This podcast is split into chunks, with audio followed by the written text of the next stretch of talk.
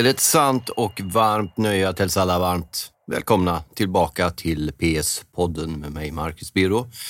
Och eh, till denna vecka, eh, detta bandas på fredagen den 3 augusti 2018, så känns det lite grann som att det är dags att, eh, vad ska man säga, inte för gott kanske vika ihop badbrallorna och lägga dem på hyllan, men att åtminstone Eh, Eh, med något jämnare mellanrum eh, ta sig an den här så kallade riktiga världen. Långsamt, långsamt är det som att tillvaron liksom fogas samman till eh, någon form av arbetsrelaterad vardag igen. En del av oss är ju patetiska nog att aldrig ta semester. Och som en polare till mig sa att semester är för kattungar, fängelsekunder och amatörer och det ligger en del i det. Så att själv har man ju stretat på och jobbat på under hela sommaren men nu är det ju en intressant sak när det gäller det här med sommaren och huvudstaden framförallt är att Stockholm på något sätt töms på folk som åker tillbaks till sina eh, hemorter därifrån de kommer på sommaren där de ska sitta i svettiga, plastiga stolar nere vid dammiga sjöar och, och du vet, lägga ut handdukar över tallbarar och du vet, du äta Mariekex och dricka klibbig saft och ha det lite trevligt mellan varven och inte försöka skälla ut kusinen när man blir packad vid midnatt och såna grejer. Men eh, eh, Stockholm som stad då blir ju liksom tom, eller åtminstone inte tom blir den inte. Det är mycket turister och en del är kvar, men den blir liksom mer eh, anpassad till att kunna flanera på gator utan att behöva trängas hela dagarna. Så att ha stannat kvar i huvudstaden hela sommaren har varit eh, fantastiskt fint. Dessutom är Stockholm en av få huvudstäder där man kan gå och bada mitt i stan, bara ligga under Västerbron och plaska i ljummet vatten med barnen. Det är faktiskt rätt fint. Eh, så sommaren har varit bra. Eh, väldigt mycket jobb och sådär. Men man har haft en utblick, en inblick eh, och en koll på sakernas tillstånd.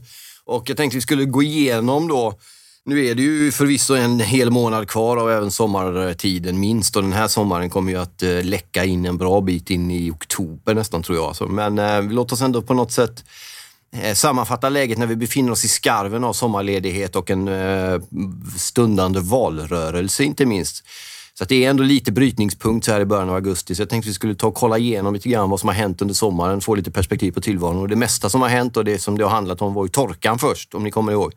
Det var väldigt varmt. Det har varit egentligen varmt ända sedan i maj. Och det är ju det som är det sjuka. Sådana här dagar när det är liksom, du vet, 28 grader och, och tropiskt som det kan vara nere i Sydeuropa två veckor i sträck kan ju möjligen vara en eller två dagar, kanske tre nätter eller något på hela sommaren. Nu har det varit konstant, inte tropiskt kanske, men det har varit väldigt varmt i Sverige konstant ända sedan i maj. Eh, och en bit in i juni där så började ju det då muttras i lantbrukarled med all rätt. Det var torrt. Jag har en eh, vän som har såna här chinchillor som de heter, små garnnystan med ögon som sitter i små, eller små, ganska stora burar och käkar russin på kvällarna. De behöver hö och det fanns knappt något hö att få tag i. Eh, det var tomt överallt. Det var som en du vet, Stephen King-roman. Det var så pestens tid. Folk började bunkra, var bekymrade över när man badade, att vattnet var alldeles för varmt. Eh, och då kom ju de första larmrapporterna om torkan och det pratades om nödslakt av kreatur och, och sånt där. Och arga bönder. Vi får ju sällan arga bönder i Sverige. Vi får överhuvudtaget väldigt sällan arga människor i det här landet. Eller det är inte riktigt rätt förresten. Vi får väldigt mycket arga, väldigt många arga människor. Grejen är ju bara att de knyter den så kallade näven i den så kallade fickan. Va? Det är det som är hela den svenska modellen närmast. Att man, eh, man är arg men man eh, visar det inte helt enkelt. Och så tar man ut det på andra sätt. Man ligger sig packad och går några aggressiva varv runt kvarteret eller spelar innebandy och slår folk på smalben med plastklubbor eller sitter bredbent till bastun och svär över tillståndet i landet. Men man gör ingenting och så skickar man fram eh, folk som man tycker verkar vettiga att föra ens kamp och sen tror man att man ska slippa den själv på det där sättet och sådär. Men Lite halvarga bönder hade vi då trots allt i Sverige och när man är halv, halvarg i Sverige då ringer man Ring P1. Det är vad man gör i Sverige när man är lite halvförbannad. Först skrev man en insändare, nu kan man ringa P1 och dit ringde några bönder och sådär. Eh, och eh, det, men det, det, som var intressant att, att, att, följa den där diskussionen om bönderna, lantbruket och hettan och torkan, det var ju att det så småningom sen då gled över till skogsbränder. Va? Och Låt mig inte alls låta raljerande i tonen när det gäller skogsbränder. Jag är helt och fullt på det klara med att det där är både ekonomiska och känslomässiga kapital och eh, både känslomässiga och ekonomiska kapital, om man får uttrycka sig på det sättet, som går till spillo. Naturligtvis skogsägare och inte bara professionella skogsägare som tjänar massor med pengar på att avverka träd och stora ytor och sånt där, utan även liksom mindre väldigt mycket mindre sammanhang. Människor som har skog av olika anledningar har ärvt och känslomässigt och hemtrakter och gårdar och sånt där. Och det är naturligtvis helt vedervärdigt. Men när då de här skogsbränderna börjar rasa, då flyttar det fokus. Eftersom Sverige inte kan hålla två tankar i huvudet samtidigt ska vi inte bry oss om två grejer samtidigt, utan vi måste fokusera på en och samma hela tiden. Och nu blir det då skogsbränder, och med all rätt. Det var en av de värsta i Europa. Eh, och den värsta i Sverige. Vi hade ju faktiskt väldigt kraftiga skogsbränder för bara fyra år sedan, för de som kommer ihåg. 2014 tror jag att det var. Men de här var tydligen då värre hur man nu mäter det. Det fanns ju liksom antal areal som brann och det fanns en del bränder till och med som brann så pass att eh, räddningstjänst och institution Och Dan Eliasson som eh, de skickar ut igen här, han, är ju, han har ju klippkort hos eh, du vet, eh, 100 000 kronorsklubben i månadslön, generaldirektörsklubben där, Dan Eliasson. Han har klippkort hos statsministern. Spelar ingen roll hur jävla usel han är på sitt jobb. Han får nya jobb ungefär lika bra, om inte bättre. Han sparkas snett uppåt hela tiden, den här gubben. Tänk den som hade det renommet ändå, om man, eh, på den tiden man fick sparken. Nu var det ett tag sedan, tack och lov, men när man fick sparken att man kunde säga så här. Du, jag känner statsministern, så att om du sparkar mig nu, va. Ska bara hälla upp lite mineralvatten Eh, om du sparkar mig nu så vill jag ha ett ännu bättre generaldirektörjobb. Det kan du fixa va? För jag har hållhake på dig. Jag är sosse i grunden va? Så att eh, du hjälper mig va? Så hjälper jag dig. Fattar du eller? Det är intressant det där med Dan Eliasson och hela den här skiten. Alltså, som halvitalienare så lever man ju, har man ju då naturligtvis det eh, korrupta italienska politiska systemet i hyfsat eh, närkontakt i ens liv. Men att, eh, att få svenskar att förstå att svenskt eh, politiskt liv är minst lika korrupt fast det sköts på ett annat sätt. Det är helt omöjligt. Folk tror fortfarande att Sverige är ett bra land där man jobbar sig till framgång. och att det inte är vänskapskorruption och du vet, eh, sån här lydiga ledband. Det är bara att kolla Dan Eliasson. Försäkringskassan drev han ner fullständigt. Katastrof. Ut därifrån. Åh, vi ger honom polischefsjobbet. Den grejen gillar vi. Kommer in där, står och svettas. Det är, du vet, om ett år ska siffrorna se ut så här. Sen ett år senare kommer han upp i Aktuellt i SVT där. Ja, det ser inte så bra ut. Nej, men ge oss några månader va, så att, eh, kommer det bli bra här. Men det blir bara värre allting. Ja, det vet jag inte riktigt. Ungefär så svarade han. Och sen får han sparken därifrån. Då hamnar han nu då hos beredskapen där för eh, eh, den här beredskapsmyndigheten som ska, samhällstjänst och sånt där, som ska se till att, sköt, att samhället sköter sig i krissituationer. Det känns tryggt att ha Dan Eliasson på en tjänst där man ska handskas med krissituationer. Det gillar man ah, Och jag vill säga det med en gång, men jag ställer ner glaset lite högt. Att, eh, oj, att eh, jag har verkligen ingenting emot Dan Eliasson som människa eller som person. Han verkar vara hur trevlig och skön som helst. Eh, så det är inte det. Det är absolut inte det. Eh, men han verkar fullständigt oduglig på det han gör och jag stör mig lite på att han kan vara oduglig och sen fortsätta att jobba. Hur som helst, det blev ju skogsbränder och sen gick det två veckor då blev det något drygt och ingenting annat handlade än om dessa skogsbränder. Och då blir det så här, jag brukar tänka ibland i, eh, vad ska vi säga, i eh, årskrönikebilder om ni fattar vad jag menar. Varje slutet av varje år nyårsafton företrädesvis, ibland nyårsdagen eller däromkring mellandagar så brukar ju SVT, Rapport Aktuellt eller båda sätta upp någon form av nyhetskrönika. Och då plockar man ut de största händelserna och så visar man dem igen och så. Och några bilder kommer ju för mig då. Naturligtvis är det de här bilderna på skogsbränderna som var både fruktansvärda men också väldigt vackra faktiskt. Mitt i sin, eh, i sin Eh, vad ska vi säga, skoningslösa ilska närmast. Den här, alltså en skogsbrand som härjar verkligen. Där är ordet härjar väldigt angeläget och, och centralt i sammanhanget. Det ser så oerhört våldsamt ut men det blir också ganska vackert. Det var någon som hade tagit ett foto från, från någon gruvstig uppe i Dalarna någonstans eller om det var utanför Ljusdal eller vad det var. Och det brann och det brann och det var mörkt och det var en, du vet, såg ut som ett Stephen King-omslag. En väg som svängde och sen kom den röda elden ner mot dikesgrenen och sådär. Hemskt men vackert. Så kan det ju faktiskt vara också. Eh, men sen handlade det i stort sett det mesta om skogsbränderna på alla sätt och vis. Statsministern åkte upp där i en avklippt dressmanskjorta och stod framför någon brandkår där och såg ju allvarsam ut. Eh, och klarade väl det eh, hyfsat. Vi, några bilder till som så fast är ju de inifrån de italienska planen. De har alltid sådana, både när det gäller de olika polisväsendena, det finns flera i Italien, där har de alltid kameror uppsatta som filmar när de gör räder och sånt. Det är en del av både räddningstjänst som ambulans och brandkår, men också en del av Carabinieri som det heter, eller Justitia, Politia. De har ju olika polisinstitutioner, även polis och militärpolis och vad är det de har. Då har de som en del av själva brottsbekämpningen att ha kameror med. De visar upp det de har tagit, de visar liksom när de har slått till mot maffian och annat och segat. Likadant med brandkår och de här flygen då, som kom in från Italien. Även 2014 hade Italien hjälp av flygplan som kom och bombade med vatten. Eh, Viljo del Fuoco, alltså brandkåren där, satt i en liten skylt och det fick man kolla på. Det var storslaget. En annan vacker bild är ju naturligtvis för er som följer nyhetsflödet även på sommaren. Och inte bara deka ner er med sunkiga däckare och, och dålig skvalmusik var ju de här bilderna på de polska brandbilarna som åkte i någon form av kortege genom Sverige och möttes av eh, idel stående ovationer och eh, polacker i Sverige som skrev fina banderoller på broar och hängde ut i dem och sånt där. Det var faktiskt riktigt fint att se tycker jag. Sånt blir man glad av alltså. Så de kom och räddade oss tills då det blev ännu värre i Grekland ju, där det var väl över eller åtminstone runt omkring 100 människor som förlorade livet i, i otroligt våldsamma skogsbränder i Grekland. Och eh, nu den här veckan har det ju larmats om ställen runt om i Europa på 50 grader varmt. Sverige har inte haft en så här varm sommar på 260 år som man började mätningarna.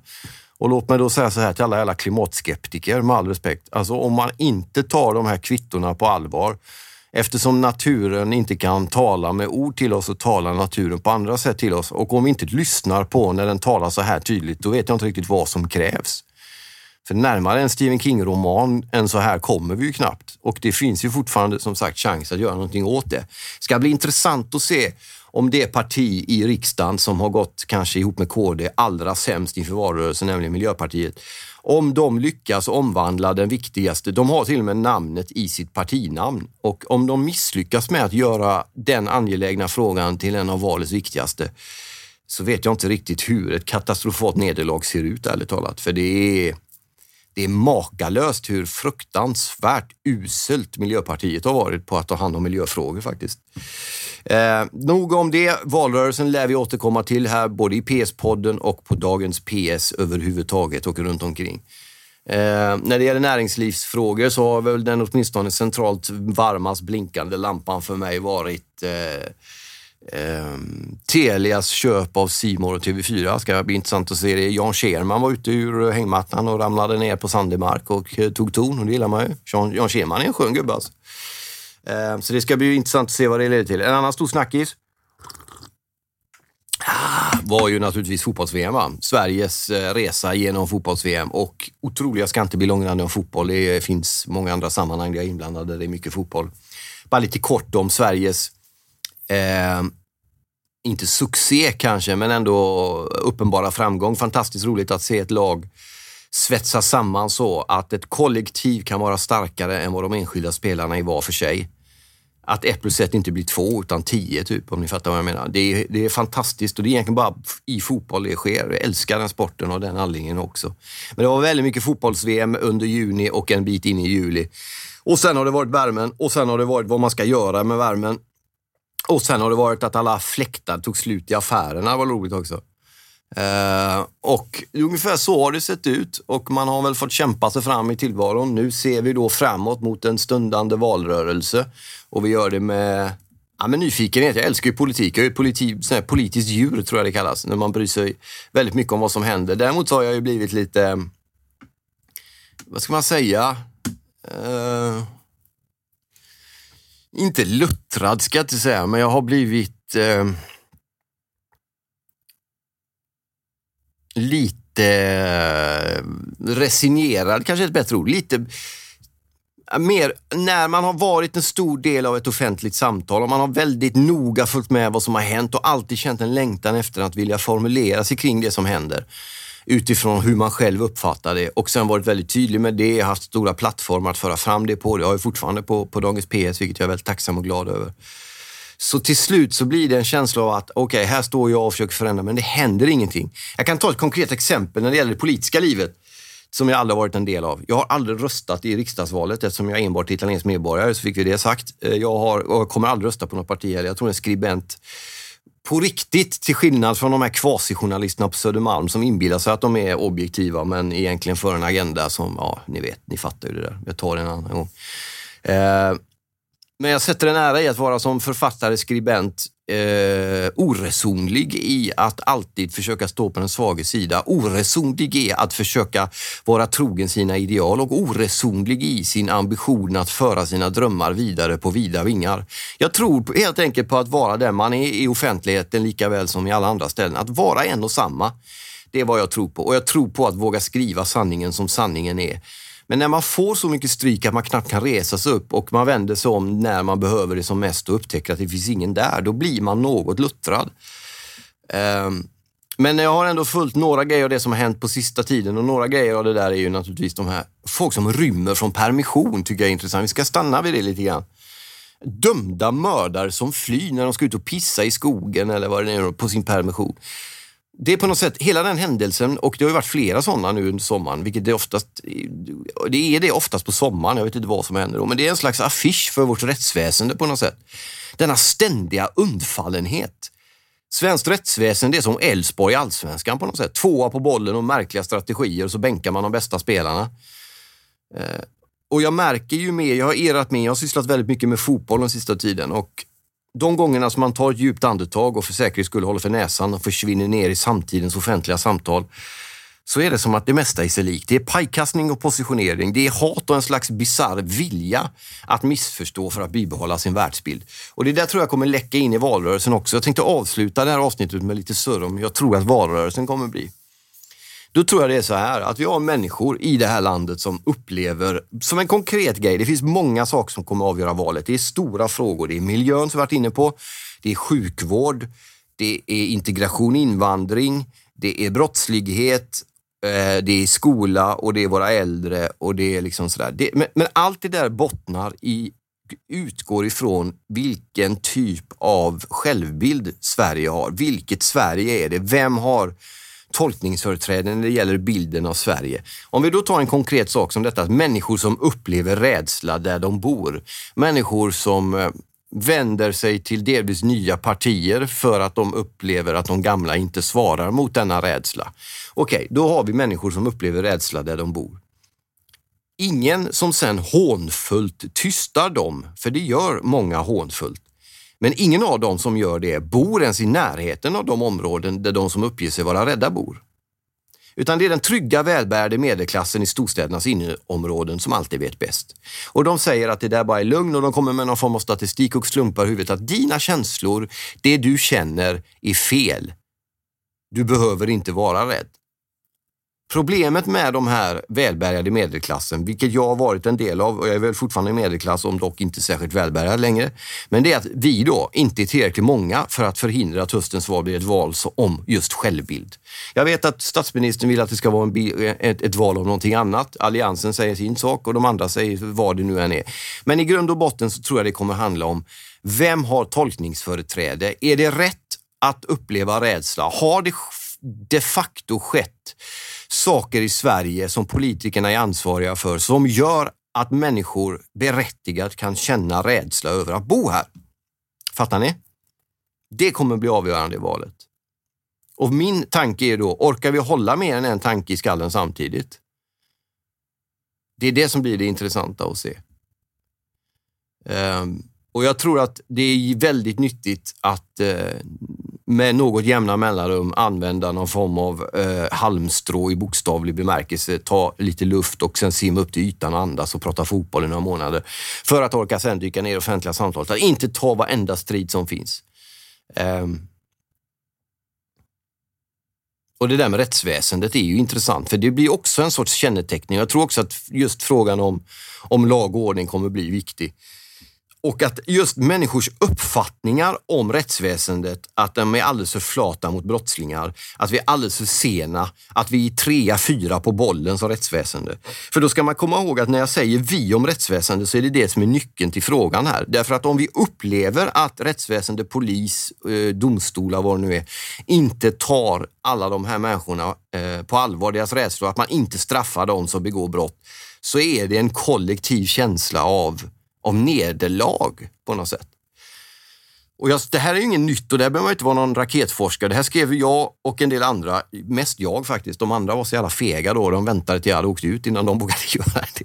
Men det här skrev jag redan förra valet, hösten 2014. Det kommer bli en omröstning om Sverigebilden. Och orkar då den välmående medelklassen tala i klartext trots att den lever långt från andra människors verklighet? Det är frågan. Orkar den väletablerade medelklassen i Stockholms, Göteborgs, Malmös och en del andra städers innerstäder och fina områden, orkar de faktiskt bry sig om varför så många människor upplever rädsla där de bor, varför de upplever att Sverige har förändrats och allt det där. Då tror jag att det kan bli ett bra samtal. Men skiter de i det, sätter de sig på höga hästar och ser fraktfullt på fattiga människors val i livet.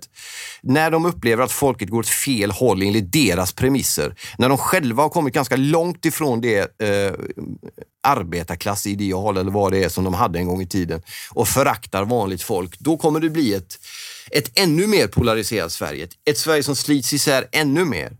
Och det tror jag vore helt värdelöst. Men också de som faktiskt känner då den här rädslan eh, och, och, och, upplever att Sverige har förändrats. Om de faktiskt försöker att undvika söka enkla svar på svåra frågor. Eh, då kan vi få ett möte. För ett möte kräver att två människor, om vi nu tar människor, går mot varandra samtidigt. Det är inte bara en som ska lägga ner allt som eh, han eller hon har för händerna och komma traskande mot den andra, utan bägge måste göra uppoffringar för att mötas. Så enkelt är det.